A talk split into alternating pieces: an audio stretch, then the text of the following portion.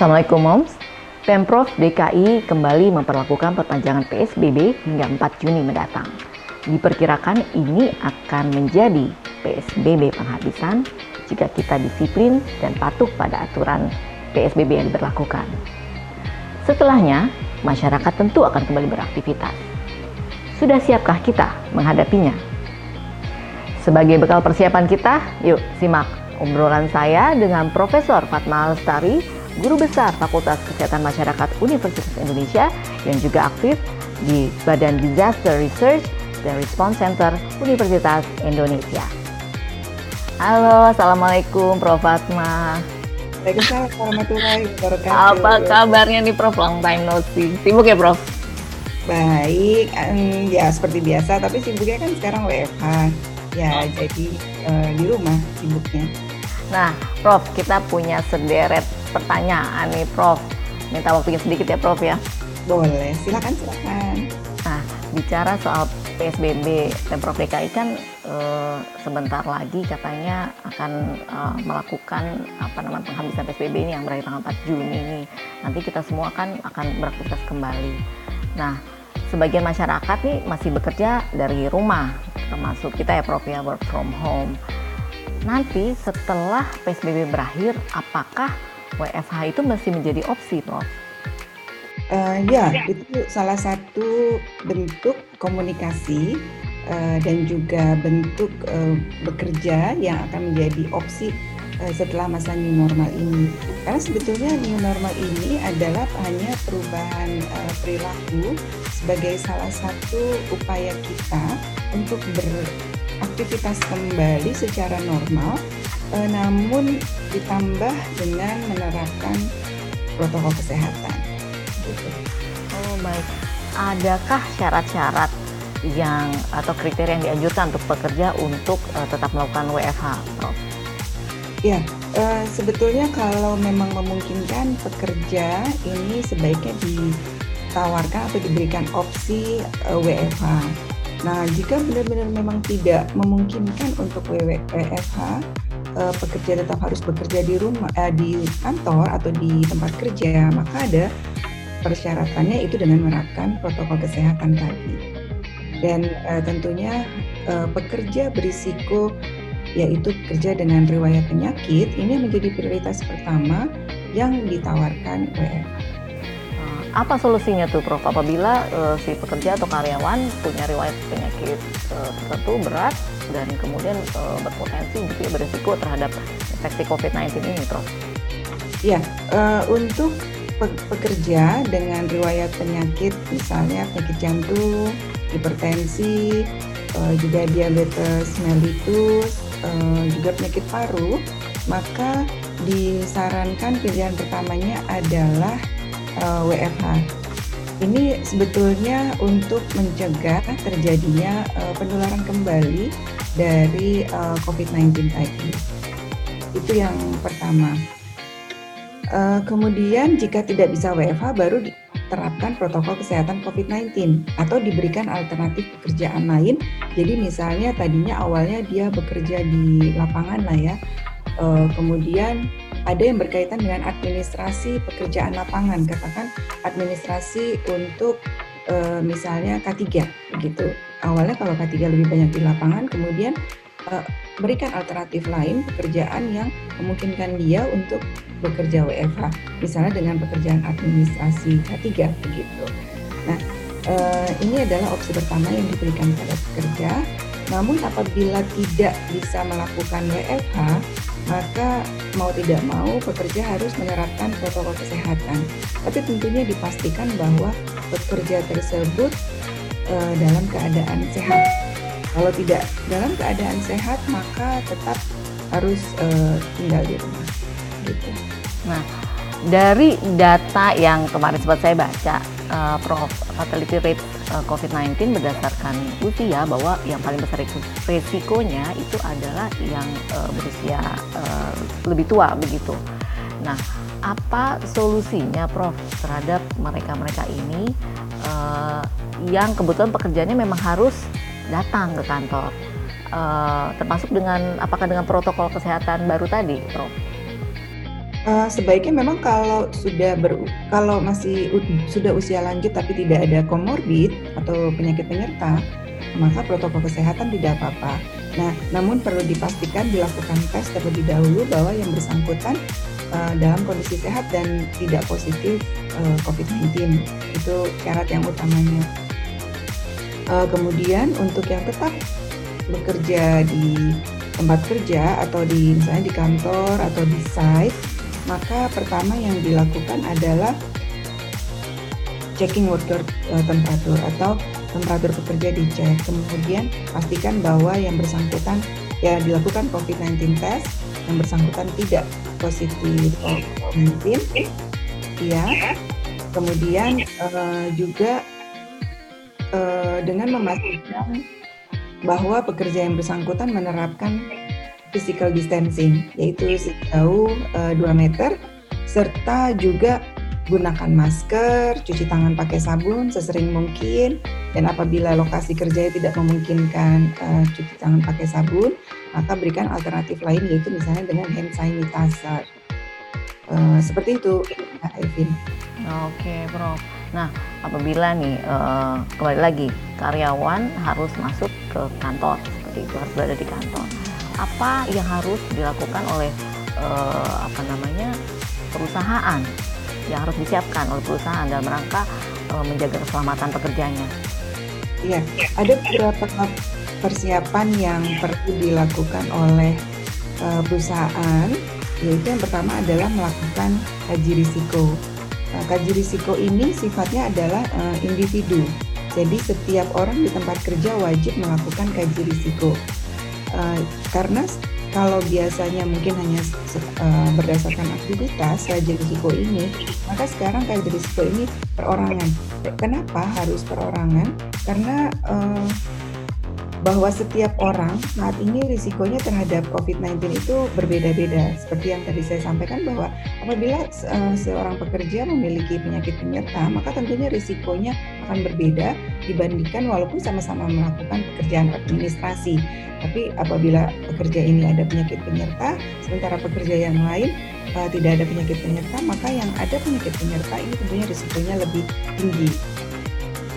Nah kemudian apabila sudah diketahui bahwa risikonya tinggi maka ditentukan siapa yang bekerja work from home atau WFH dan siapa yang masih bisa tetap bekerja di kantor. Nah ketika tetap harus bekerja di kantor, perusahaan juga harus uh, melakukan pembersihan uh, lingkungan kerja. Jadi ada enam langkah terkait persiapan tempat kerja. Yang pertama adalah melakukan pembersihan tempat kerja karena kita mungkin ketahui selama ini PSBB berjalan eh, dua atau tiga bulan ini tentunya tempat kerja akan menjadi kotor dan juga uh, mungkin ada uh, hewan-hewan yang tidak diinginkan seperti tikus, kecoa, nyamuk dan lain sebagainya. Yang kedua ini kita lakukan pest control untuk uh, membersihkan tadi. Kemudian yang harus dipastikan lagi adalah bahwa ventilasi dan AC di tempat kerja ini bekerja dengan baik. Uh, selain juga uh, kondisi dari uh, air condition tadi adalah tidak berjamur dan seterusnya. Mungkin bisa dilakukan pengecekan terlebih dahulu uh, dan dipastikan misalnya dengan menyalakan AC untuk beberapa hari uh, sehingga dipastikan bahwa ventilasi dan AC-nya berjalan dengan baik dan bersih. Kemudian yang berikutnya yang keempat adalah melakukan pemeriksaan kualitas udara. Jadi Indonesia sudah memiliki sejumlah indikator terkait dengan kualitas udara di perkantoran ataupun di tempat kerja. Uh, di antaranya adalah uh, jumlah mikroorganisme. Nah, ini termasuk juga langkah yang ketujuh yaitu melakukan pemeriksaan mikroorganisme dan kemudian dipastikan bahwa tingkat jumlah mikroorganisme yang ada di tempat kerja tersebut memenuhi standar yang sudah dikeluarkan oleh uh, pemerintah Indonesia. Uh, kemudian uh, konsentrasi debu, konsentrasi debu kita ketahui mungkin selama uh, tidak ada penghuninya ada penumpukan debu.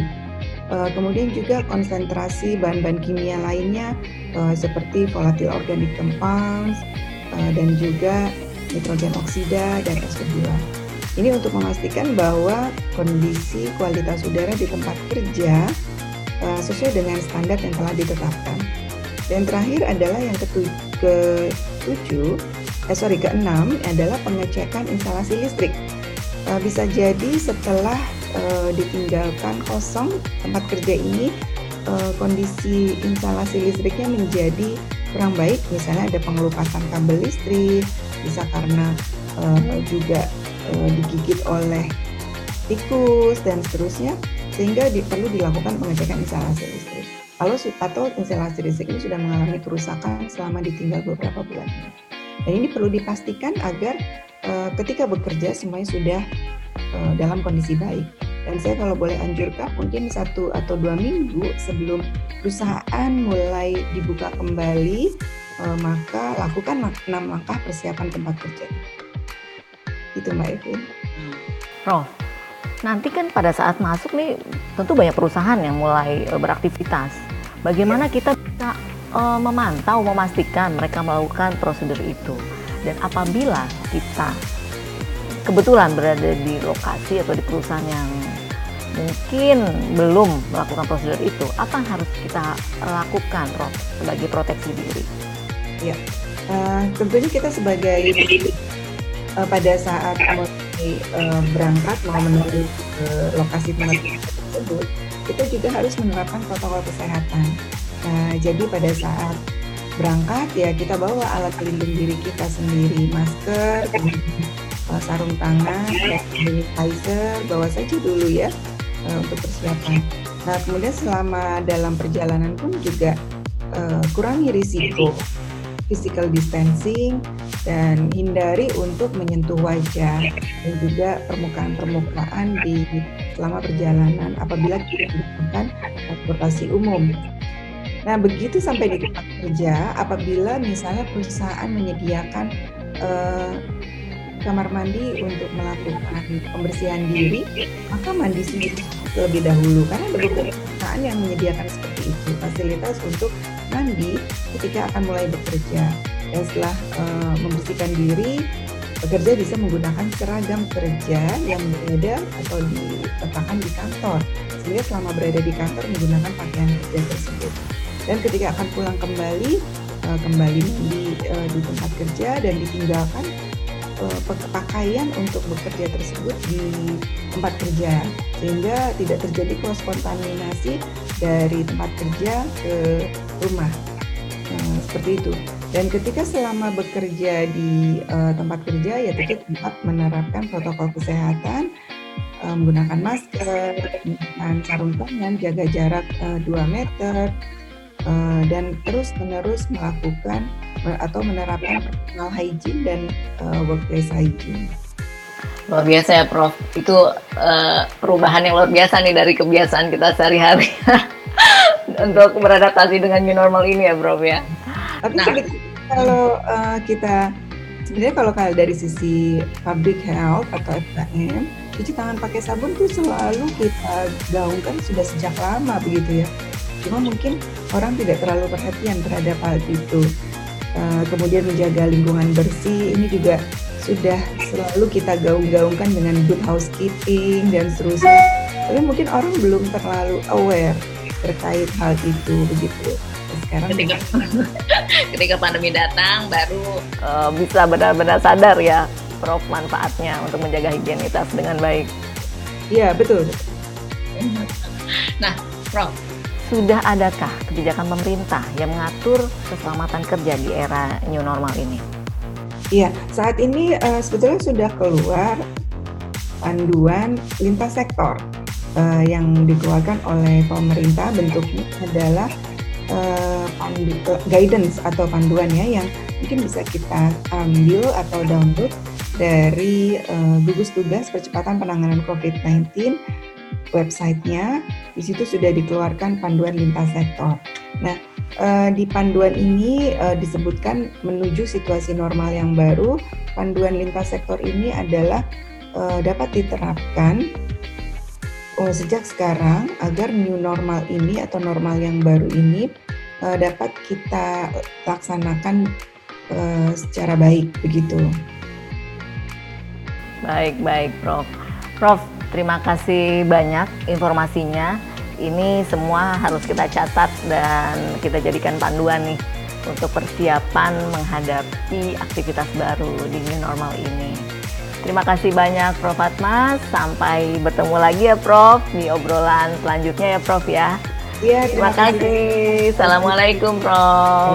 warahmatullahi wabarakatuh. Memahami protokol keselamatan dan kesehatan setelah pandemi corona adalah kunci penting bagi kita untuk dapat beradaptasi di era new normal. Jaga diri kita dan orang lain. Tetaplah like, share, dan subscribe. Sampai jumpa di video selanjutnya.